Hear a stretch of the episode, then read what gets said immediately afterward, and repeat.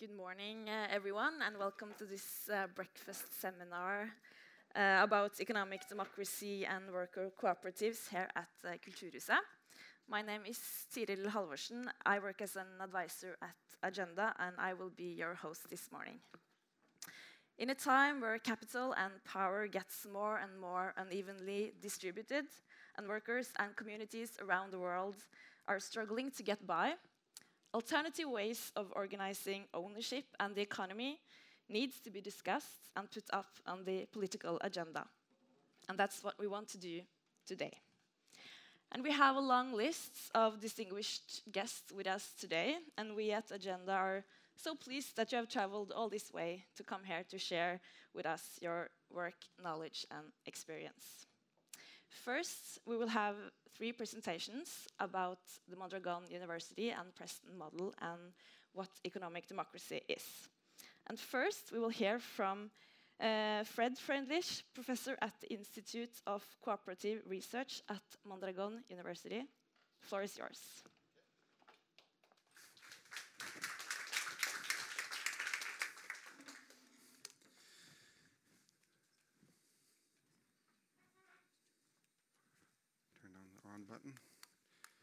Hello, everyone. Good morning. I'm Fred.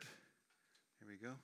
Um, I'm not Basque, but uh, I've learned the 27 most important commands you give to young children in Basque, so I now qualify. Uh, I've been there since 1995, approximately. I'm American, but became very interested in worker participation and ownership in the 1970s and 80s and discovered Mondragon and have since 1995, 96 been working with the university there. Uh, their production, the production questions in any society. Uh, services need to provide, be provided, goods need to be produced. Who should decide about these? And who should benefit?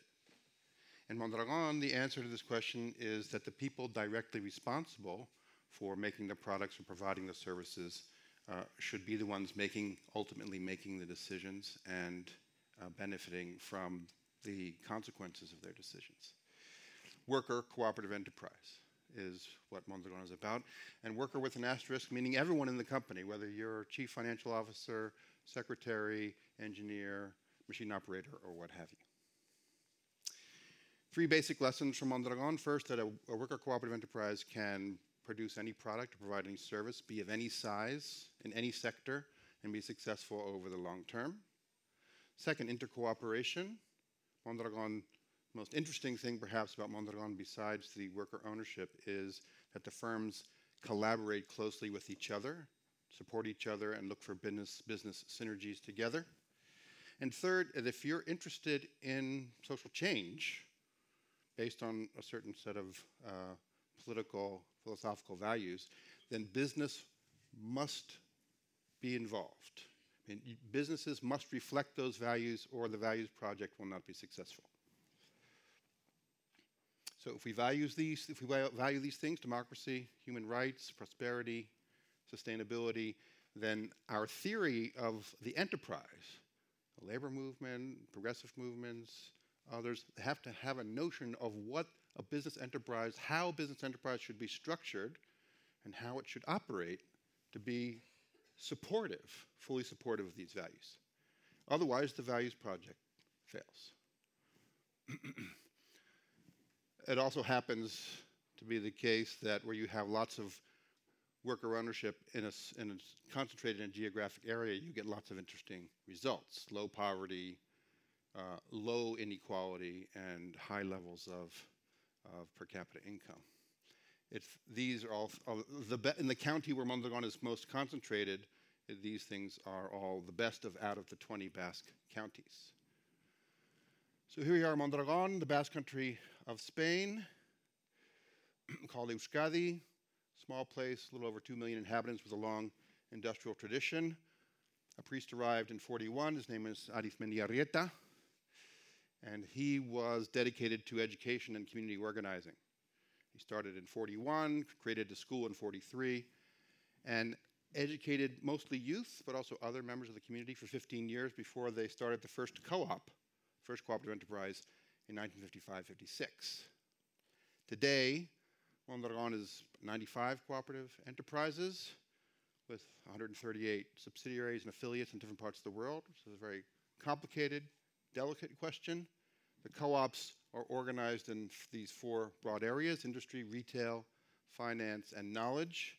The workforce of about 80,000 and sales of, of over 12 billion euros in 2020. These are worker cooperatives for the most part. So the people who work in the enterprises are the members, owners. Um, when we hear the word co-op in most of the world, we don't think of worker cooperative enterprises. We think of agricultural co-ops or credit unions. In this case, uh, in Mondragon, labor is seen as primary, and so uh, the workers are the members and owners, though there are over 20 co-ops where there are also other members. Workers are always members in these co-ops, but uh, in, in several co-ops, others are also members. We manufacture lots of fancy products, sell them around the world, provide lots of services.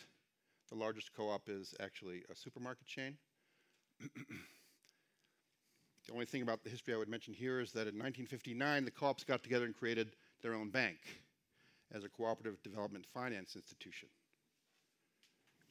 and lots of other things uh, since then where the co-ops join together, collaborate, and provide services for themselves that the market does not provide well for them. This is the essence of a worker cooperative enterprise. Maximum authority, instead of residing with capital, where, where labor is an instrument, maximum authority resides with the workforce, and capital is an instrument. Labor hires capital, not the other way around. Leads to principles of democratic democratic control governance, participation in daily work, understanding roles, expertise in the company, distribution of profits among everyone in the workforce, understanding the importance of investment,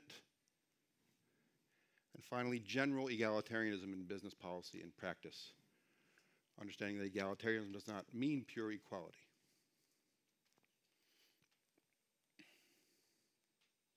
intercooperation is perhaps the most uh, interesting part of Mondragon, where the companies work together to create institutions in common and also to look for firm to firm synergies and take advantage of business opportunities.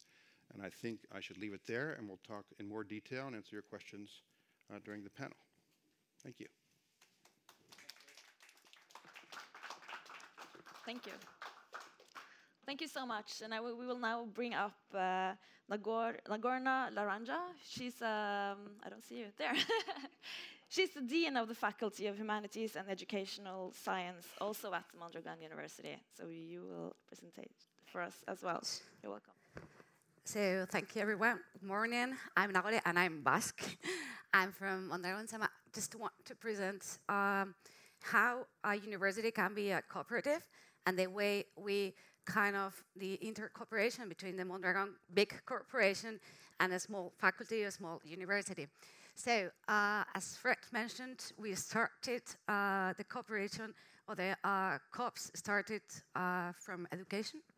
So they started creating a business um, engineering school, then a business school, because um, business was needed to carry out those uh, companies, that those co-ops that were being built, but also education was needed at that moment in Spain after Franco's dictatorship.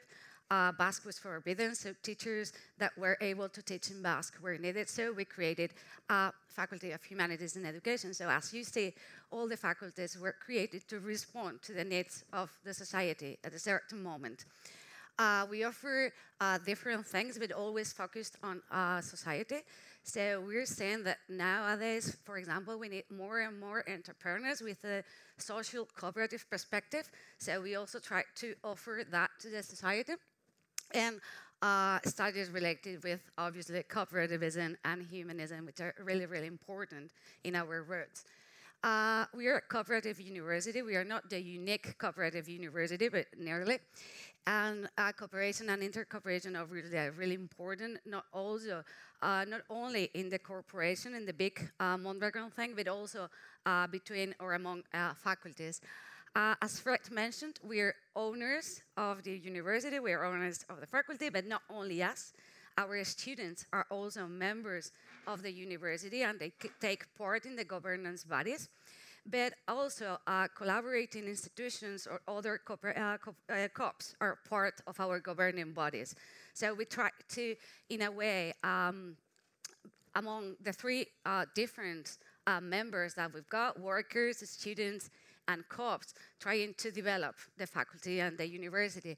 So uh, we look for personal development for social transformation. We invest quite a lot of community projects so that uh, our territory and our surroundings could be uh, developed, and uh, always with a focus on social responsibility. So, uh, in a way, we're the sixth university in, in Europe with regional commitment. And uh, we are really rooted. For us, this is important. We are not in big cities. We're in small, really small towns.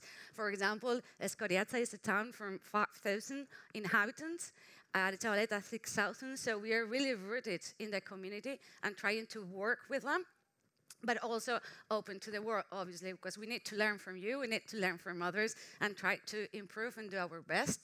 Uh, Fred already gave this information, so I'm not going to repeat it. But the important thing here is how we, as a university, participate in the uh, Mondragon Corporation and how Mondragon is uh, also uh, participating in our governance uh, bodies, as I explained before. So as you see, this is a um, kind of um, picture of how we uh, manage and govern our uh, faculty. So uh, this is kind of the uh, management side, and we workers are part of this.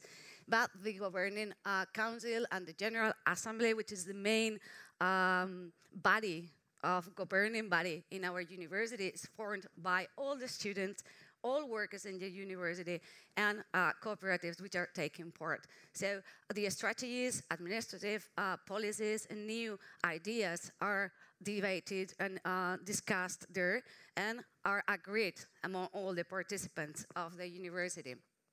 But we also participate in the General Assembly of Mondragon, so we also have a vote. In this case, one person means one vote in all the decisions.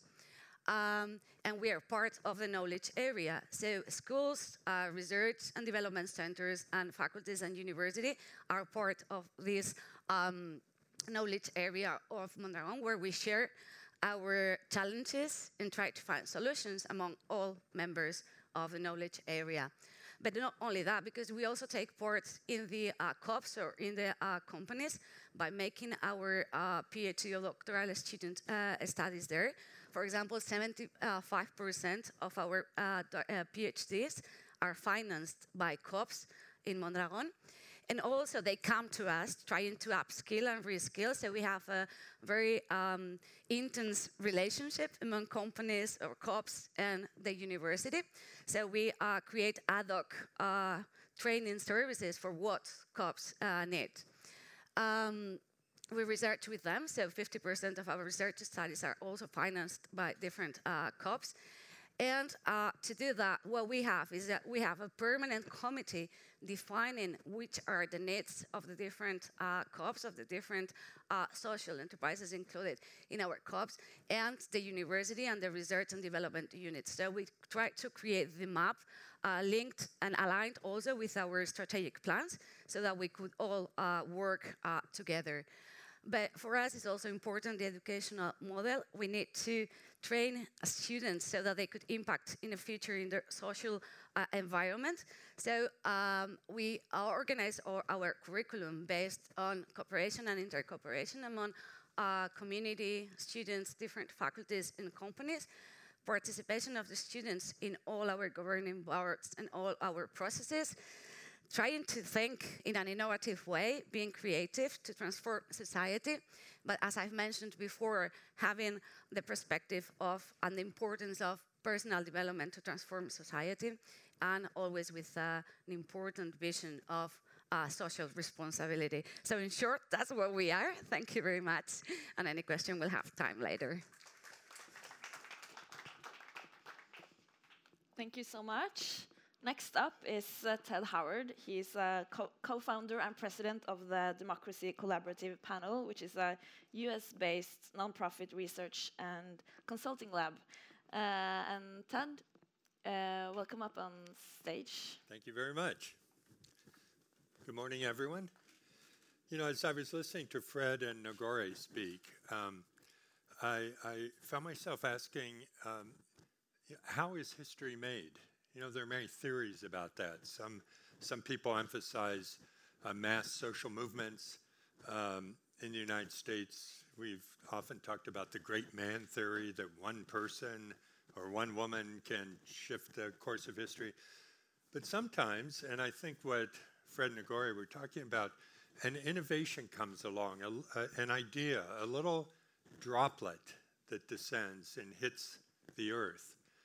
And over time, that droplet multiplies and starts to become little rivulets and streams and rivers and literally starts to sweep through history. So, what I want to talk to you about is how the inspiration of Mondragon, beginning in the 1940s and 50s, how it's played out in some of the most extraordinary places you wouldn't imagine.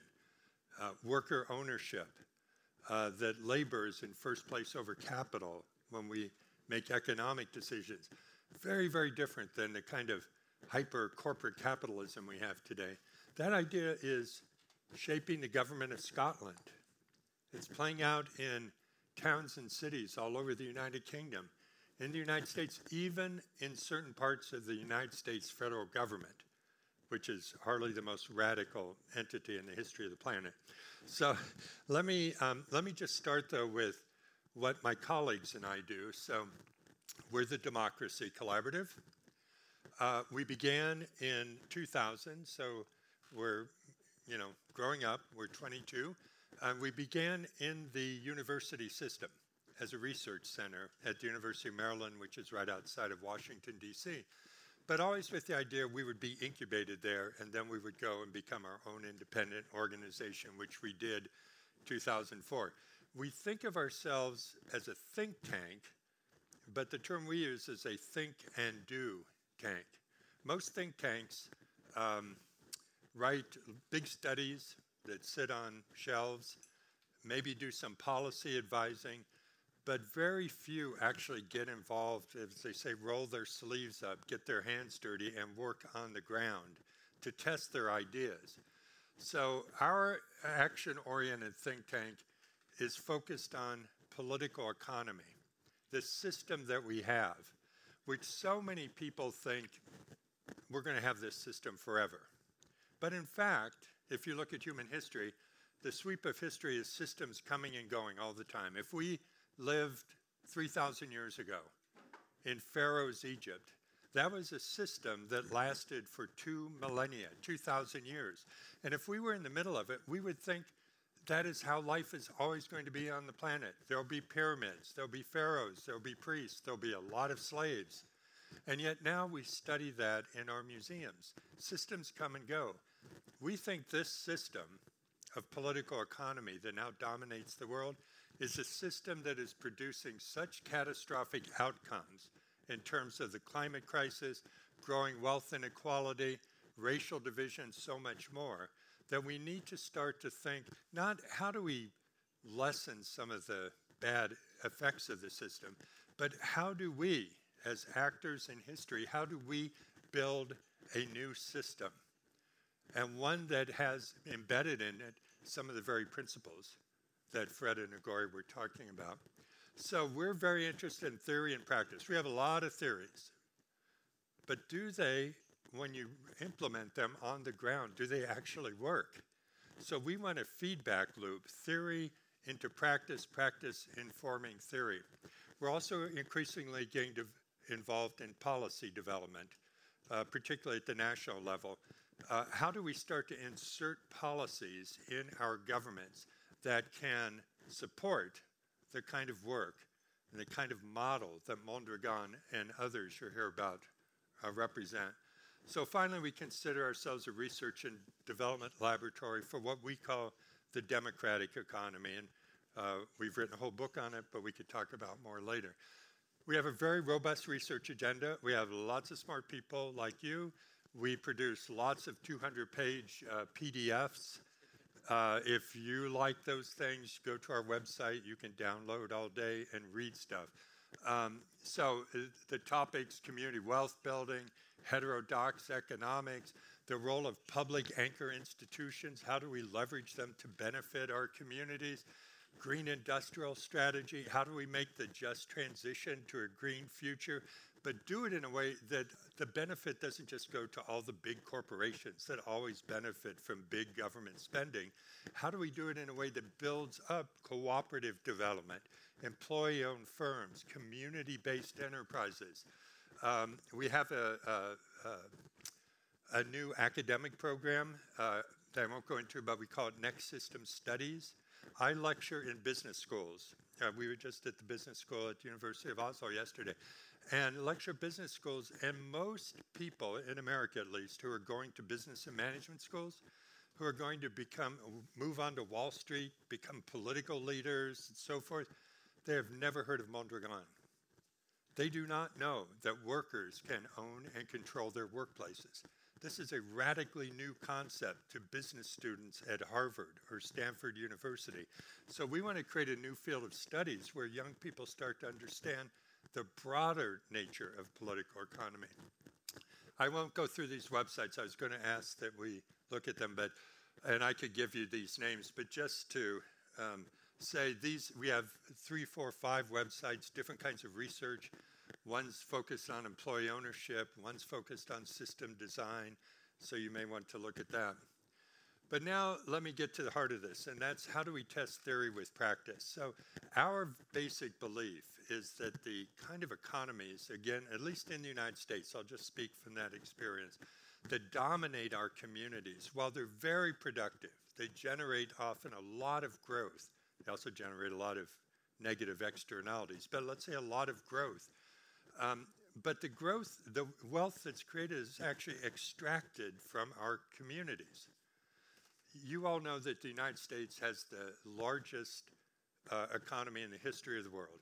It's the, the wealthiest country the world has ever seen. If you divided up all the wealth that's created every year, uh, all the in the United States to families of four, every family in America would have an income of $250,000 a year. And yet,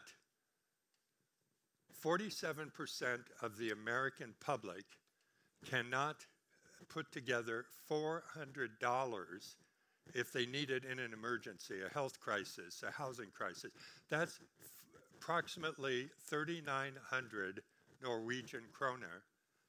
47% of the American public cannot access in the wealthiest country the world's ever seen. So we uh, intervene with what we call in communities community wealth building, uh, with locally rooted finance, inclusive and democratic enterprises of this kind, leveraging anchor institutions to buy locally and so forth. So let me conclude with giving you three examples. In Cleveland, Ohio, where I lived for the last decade, I helped start this. We took the inspiration of Mondragon, I led delegations from, of civic leaders, bless you, from Cleveland, Ohio to uh, Mondragon five times over the last decade to show them what's going on. We took that inspiration and some of the features and design of Mondragon, and we created a network of worker owned cooperatives in Cleveland, Ohio. Cleveland is a city of about 385,000 people, 35% of whom live below the government's poverty line. So it's great impoverishment. And the Basque model, Mondragon, is designed to create employment for the Basque people, good quality employment. And we took that and we tried to import it to Cleveland, Ohio. We've started a number of cooperatives. Uh, uh, we're much smaller than Mondragon, but they've been at it 70, 80 years. Um, about 400 people employed in these cooperatives. Uh, 50% of them had been formerly incarcerated uh, we call them returning citizens. They leave prison and come back to their communities. They can't get jobs. We hire them. People make living wages for their families. Uh, they make profit sharing because all of the profits in the company are not created by outside investors because we don't have any outside investors. They're created by the workers themselves who then decide how do they want to allocate the profits. Uh, so that's the evergreen model, and now we're starting to purchase local small and medium sized businesses in the Cleveland area where the owner wants to retire and needs a succession plan. We buy the company, keep the workers working, convert it to a worker cooperative so that everyone has a share of the business. Everyone has one share as an owner. That model, then, this is the rivulet. So Mondragon inspired us in Cleveland to build something in the United States, inspired, not a duplicate, but inspired by them. In Preston, England, one day, about 10 years ago, I got an email from someone in the city council who said, You don't know me, but we've been following what you're doing in Cleveland with Evergreen. And we'd like to do something here like that. Would you come talk with us and help us? So I did come. My colleague uh, Neil McInroy, who you'll hear from on the panel, was really much more involved in this than me. But as a result, Preston, which used to be known as the suicide capital of England because it was so depressed economically, um, now is considered one of the best places to live in the north of England in just 10 or so years. And they did it by returning money that was going abroad back to the city through contracts. They created more than 1,600 jobs just in a period of about a decade. Uh, they're paying living wages. They're the first city in England to be a living wage city. Uh, they're building cooperatives and so forth. And then that model inspired people in Scotland. Again, the rivulet continuing to flow. In Scotland, where Neil's been very involved, and I'll conclude with this, um, there are five cities. I was Neil and I were just in Scotland. We visited one, North Ayrshire region. Five cities experimenting with community wealth building. Um, uh, it, the strategy of community wealth is integrating into the government at all levels. Only one country in the world has a minister for community wealth. That's Mr. Tom Arthur, who's the Minister of Community Wealth in Scotland. And next year, and Neil's working on this, legislation will be introduced in Parliament, the Community Wealth Building Act of 2023. Scotland will formally be in the leadership of the movement for community wealth building around the world. And the rivulets continue everywhere now, Sydney, Australia, for instance. So, if there's one message that I'd like to leave you with from this presentation, it's this, and these are not my words, they're the words of Nobel laureate Albert Einstein, who said, We cannot solve our problems with the same thinking we used when we created them. We need to stand in a new place, think boldly, think bravely. That's what Mondragon's about. That's what these models are about. And I suspect that's what you're all about because you came here today. Thank you very much.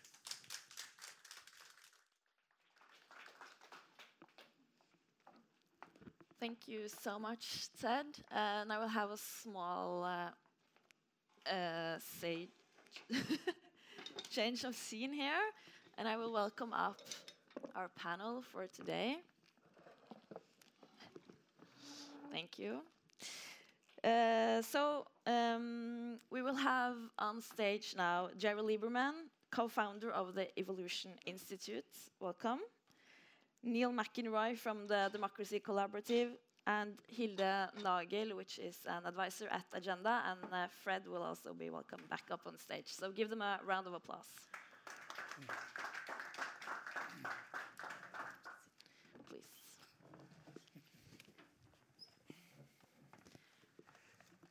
So, Jerry, now we've heard a lot of good things about this, uh, about what they do are doing in the Mondragon and in Preston and, and so on. What do you see the potential for these models? Uh, and what kind of results do we see in economic and social ways today? Okay, well, that's a broad question. First, let me say that our, our intent is to use science in order to find out where the best systems of the world are today and based upon UN standards of excellence and also dealing with inequality. And we look for intentionally for places like Norway and places like Mondragon. We discover them because they have the highest standard of life in the world and they are the strongest democratic institutions. And your question is, is very broad. so, what do I see the potential? Well, I see if you believe that human beings are capable of growing and learning, and you provide them with the tools to develop their intellect and their natural inquisition and creativity, and you teach them good values, they will grow up and be good human beings and they'll create a good, healthy society. And if you can get people who are already doing that effectively and bring them together and instill in people the idea of collaboration, cooperation, not what's in it for me, you can change a lot of things. You could even change some of the most economically depressed communities in the United States of America, which Ted said is the richest country in history, uh, intentionally. So the idea of intentionally bringing about improvements in life, not just for a small sector of the world, but for the entire planet, is a very doable thing. But you've got to team build, you've got to be persistent. And I think what you've heard today are examples of people coming together, but we actually search for organizations like Mondragon, countries like Norway, and organizations like Democracy Collaborative, and organizations like Agenda. And uh, Neil, uh, you've been working on this field for years, and Ted mentioned Scotland, which you have also. You're from Scotland. You have been working with community building and in Scotland, as you, and as you mentioned, you have a minister for community wealth building. Can you tell me more about that and what's going on in Scotland? Yeah, it's part of the uh, uh, the ripple effect of community wealth building that Ted outlined. Really, we're seeing it uh, translated from Cleveland to Preston in England, and then also back to the US, where there's a growing number of cities also taking up community wealth building. But it's been translated now to Scotland, where, where, I, where I'm from and, and where I now work. I'm two days a week with the Scottish Government as a community wealth building advisor. And I think there is parallels here with Norway in, in your own work, I'm sure, because what Scotland's seeking to do is transform its economy to net zero, uh, to deal with the enduring social and economic problems of injustice, uh, to I suppose, um, uh, build well-being in its economy. It's trying, all, it's trying to do all the progressive things that Norway wants, and it sees community wealth building as a key plank, a key element of that transition, because it rewires the economic system, not for shareholders, not for extractive capitalism, but for the people and the communities of Scotland. So it's a key plank, and we've now had Mr. Arthur, the Minister, in place for about a year. Uh, so he's the Minister for Community Wealth. He's also the Minister for Public Finance, which is interesting, and Planning. So he has a fairly broad remit, but community wealth sits at the heart of it. Uh, so, yeah, we, it's, it's the first community uh, nation, perhaps, and the first minister, but I'm pretty sure it won't be the last. Uh, and there's an ongoing, through my role at Democracy Collaborative, as well as my role sort of more globally, an ongoing dialogue across the globe around community wealth building. In fact, even this morning I was on a communication with uh, Sydney in Australia where they've also got an emerging community wealth building strategy. Thank you. Uh, Fred, I wanted to ask you a little bit more about how uh, these kinds of models that we see in cooperatives are changing the capitalistic and the economic logic that we have today. Can you talk a little bit more about that?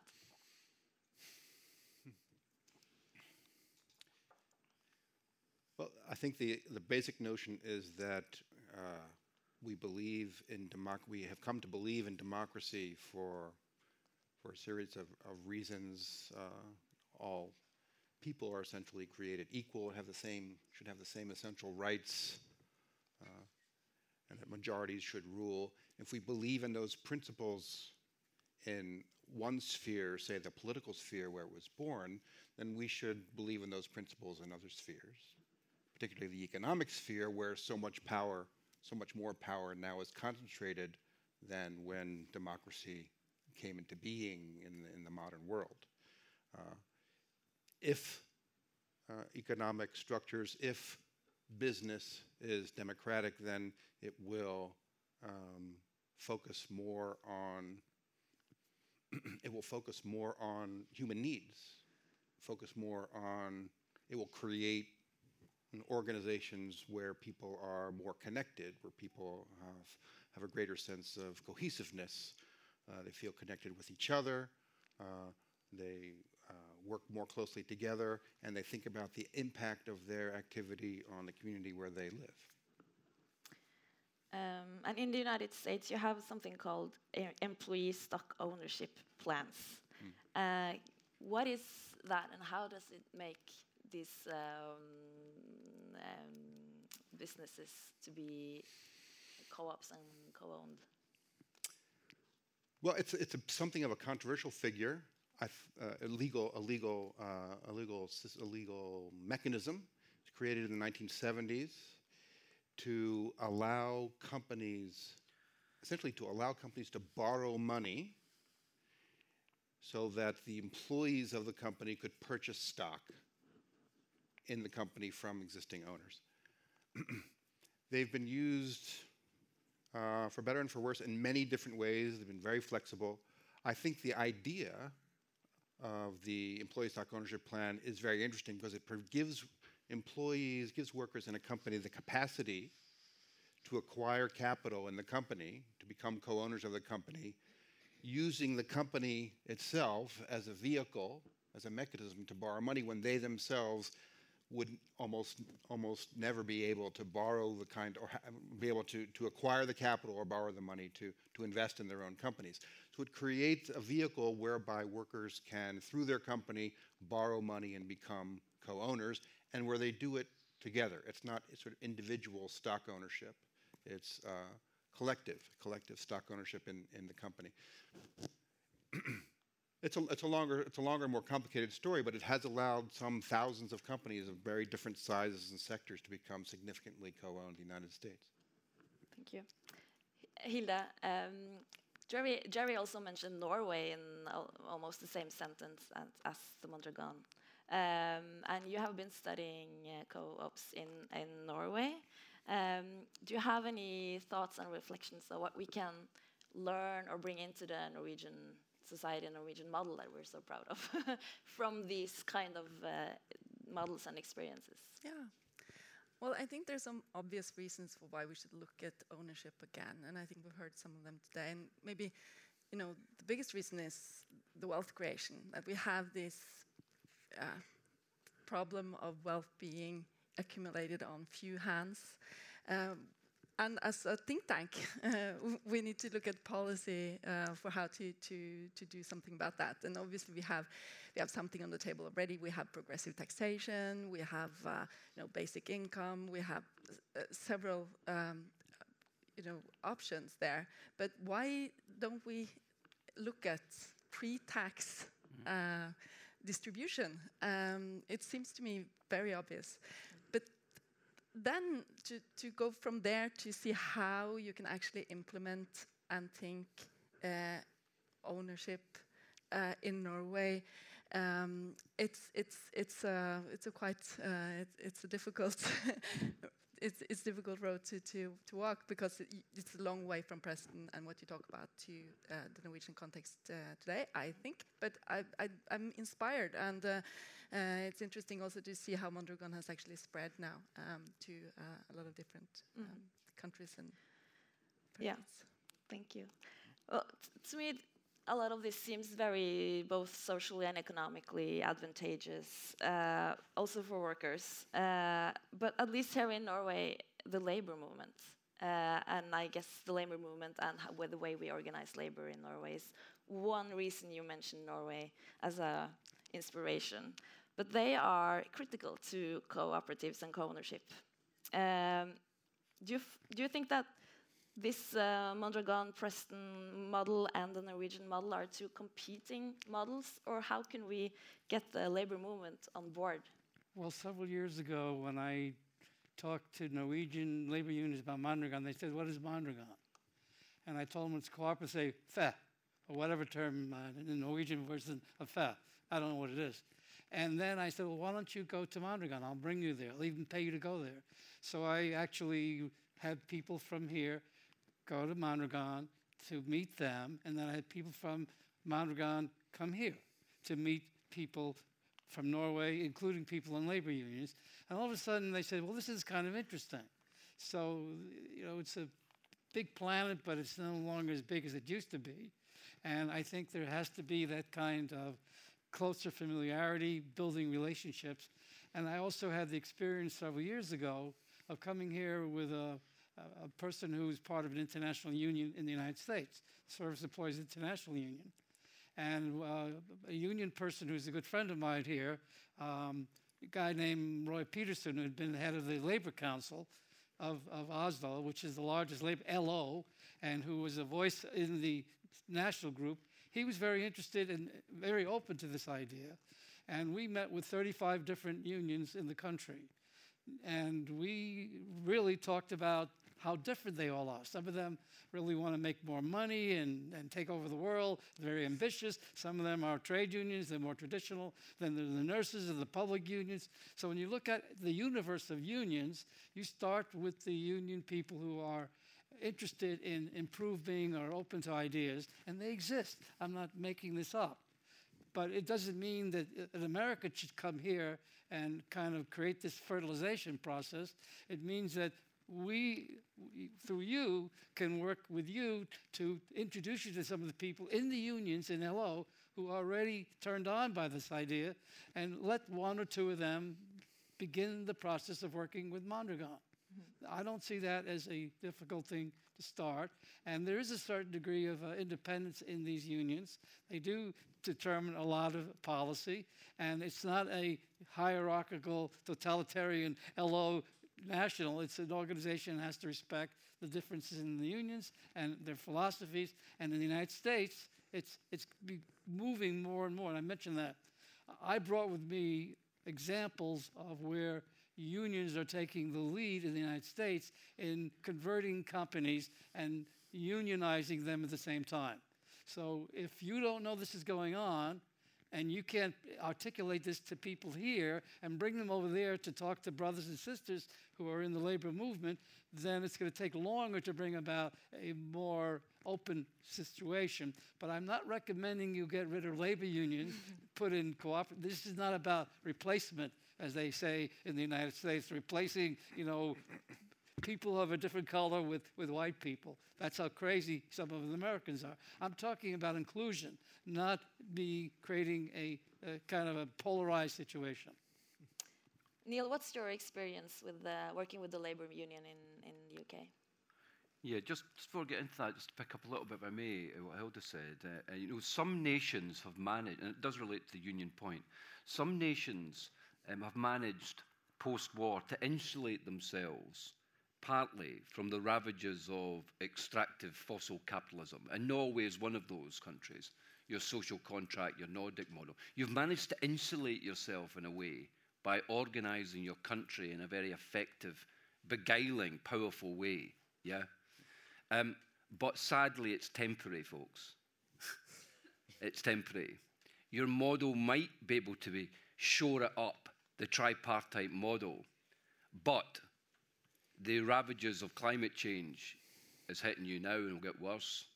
And the neoliberal corporate power is barking at your door. So you may think that you can, oh, we'll just protect our old social contract. I don't think, I don't think you can. I think you've got to wake up and kind of smell the coffee, and I think community wealth bond is one of the ways to do that. Um, and on the point about the labour unions, um, I think Labour unions are used to a redistributive model where they look for high taxation, public employment. The workers get paid in a job. Yeah? Well, in the, in the, world, of, in the world we have now, in a neoliberal world, in a post capitalist world, what we actually have is that redistribution is not enough. We need to go, as what you said, Hilda, touch on pre-distribution. We need to have more of an asset owning democracy, a capital owning democracy.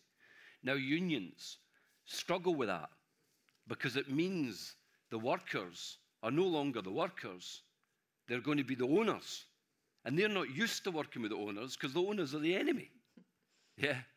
So unions are on a journey, but they should be shaping the economy.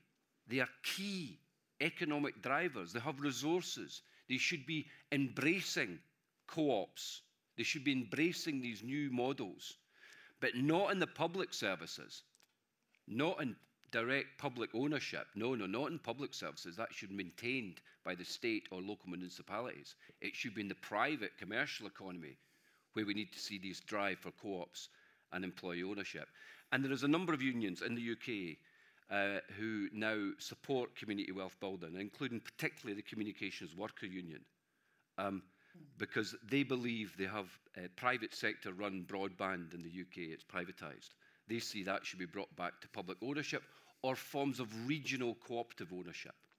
They have, our post office owns many buildings and properties in the UK. The idea is, and they're, they're big edifices, big things. Some of them are being sold off to the private sector for housing or whatever it may be. They're saying, hold on here, can we create something here like a community wealth hub, a one stop shop for employee ownership ideas, and also the workers themselves, a big employer, uh, the communication worker. How can we get the workers thinking differently mm. about ownership? Sorry, I'm going on. I'll shut up. No, that's fine. Um, Hilde, you know the Norwegian labor movement well. Uh, where do you see the skepticism coming from, and do you see any movement at all? Yeah, I think this point about labor unions is, it's important. It's actually key if we want to go anywhere with this idea. And it's very interesting how um, how you you sort of um, how you can see the combination of this model with the, the, Nordic model, as you said. But I also think there are some real barriers here, and I don't. I think we should be open about them. And and one is this can be a transformation of risk from uh, the system that we have today to workers. Uh, it can be uh, a risk that now, because you get a stake in the profits, you also get the stake when things are not going well. And I think that, that should be addressed. I don't know if you have comments on that. And I also mm -hmm. think it, it is, as you said, is, is doing something to the relationship that we have now in the negotiations between, you know, two parties that are clearly have uh, conflicting interests. You have sort of moved that conflict into the mind of the individual worker, and that can be very difficult to. How do you solve that in practice? And when do you act uh, on behalf of the, the owner's interest, and when do you act on behalf of you know the the employee's interests? So uh, maybe maybe you have some some comments. Yeah, Neil or Jerry, I don't know. Well, I I'm a strong supporter of labor unions. I, I started one in New Jersey, the Federation of College Teachers, when there was no union, and organized tens of thousands of teachers, and they got much more out of it. But it was a public system, and we weren't talking about turning it into cooperative, but making it more democratic. If we could have had a co-op like they have in Mondragon, the workers would have been much better off because they would have basically been the decision makers along with the students and along with the administration being selected. So you, you also want to aspire to some things even more creative, more exciting, more tapping the talent that human beings have. In, in terms of labor unions, I feel that in cases like affordable housing, for example, where we presented eh, here with the LO four years ago, and had people come from the city, etc. You know, they're saying, well, we can't afford housing because we have to make profits. And you know, if the money goes to the top, if people who are doing the work, who have the skills as craftsmen, are getting high salaries, but the owners are making billions of dollars, then it's going to affect your whole economy, and it ultimately is going to undermine the workers and the unions. So, if unions want to maintain a strong position in society, why wouldn't they want to get more involved in ownership, especially in the private sector? I don't know what the downside is, especially when there are unmet needs and they could be done much less expensively. And housing in this country is like a crisis when there are other places where unions have owned the companies or the government has owned the companies and they've been much more successful in meeting this need than Norway, the, the richest per capita democracy in the world. So there's something that has to be, there's a real opportunity in the housing area. And there's also the fact that people in, this, in the skills are really the people who build these houses. They're just as capable of designing them, they're just as capable of raising capital. So they replace the people who are taking money off the top in huge amounts. And I think that's a problem that has to be addressed. Fred, what's your experience from this at the Mondragon? Well, Mondragon was born under the Franco dictatorship when the labor movement was mostly fake and reached a sort of a critical mass before the transition to democracy. And labor ideology in the late 70s after the transition was such that the they didn't see eye to eye, eye to eye with the cooperative movement. And I think neither side has dedicated enough energy to understanding the, the other. Uh, I think they are fundamentally complementary. Any organization with more than, I don't know, seven, 12 people, there are going to be differences in information, differences in authority, and people need representation. Mm. The ultimate goal is for business to operate based on a series of principles uh, that we spoke about before, cooperative principles, but that are also tr also trade union principles: democracy, human rights, prosperity for all, uh, egalitarianism. it seems to me that unions who have developed expertise in all of the well, lots of areas related, special expertise in, relate, in areas related to the current model based on collective bargaining and supervisory boards. They should also develop and could develop easily to business management. How can businesses be run from a worker's perspective? That's the ultimate goal of a, co-op, of a worker cooperative enterprise, and I think it's the ultimate goal of a, of a trade union. There's not that much research, but some of the research that exists shows that when union leaders support the idea of shared ownership, then their members, their members' commitment to the union grows, and their interest in shared ownership also, and the and the initiative generally turns out to be successful. Mm. There's an important point here. I think I think we need to be ambitious um, and look to the future, uh, if there is to be a future, because we've got ten years to solve the crisis, climate crisis. And so I think we need to make a bit of a leap here, and I'm not sure we have all made the leap, is that, you know, labour unions operated within a post-war type of capitalism. And they've had a you know, social contract, doing the, you know, the tripartite arrangement in most Western liberal democracies. That won't work. That won't work. The best unions realise they need to make a step change. A step change that they're, they're shaping a new economic model they're not trying to shore up the old economic model because it's gone, it's knackered. So it's actually to try and create a new economic model, and unions part of that new economic model. And ownership needs to be a much more greater uh, feature in that. We need to make the big transition, and unions have a role in shaping the economy, not just protecting the workers and not trying to rebuild the old social contract, which, which is impossible. So if you want to take this leap, uh, there's still not um, co- co-ops all around us all the time, mm. at least not in, in Norway. So what do you see as the barriers, Jerry? Are there regulatory matters, cultural, economical? What do we need to change to get uh, this idea spread more around in the economy? Well, the thing is, I've been around almost 85 years. So I, I was born during the Depression, and I've heard a lot of people say things that I feel they wouldn't dare say today. Um, and what you learn from that is my father said I would never get any wisdom, but I think I have gotten some wisdom by looking at the world rather than looking at my neighborhood in Brooklyn, New York.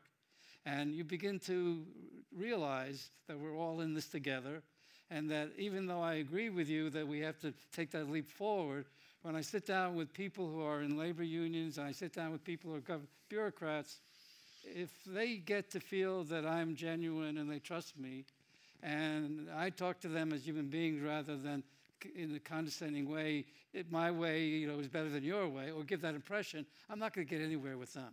So part of this is, is, is persuasion of the right kind. Part of this is persistence. Part of this is showing them they're not at risk and they, they have the opportunity to do this and to continue to be a labor union person. They have choices in a democracy.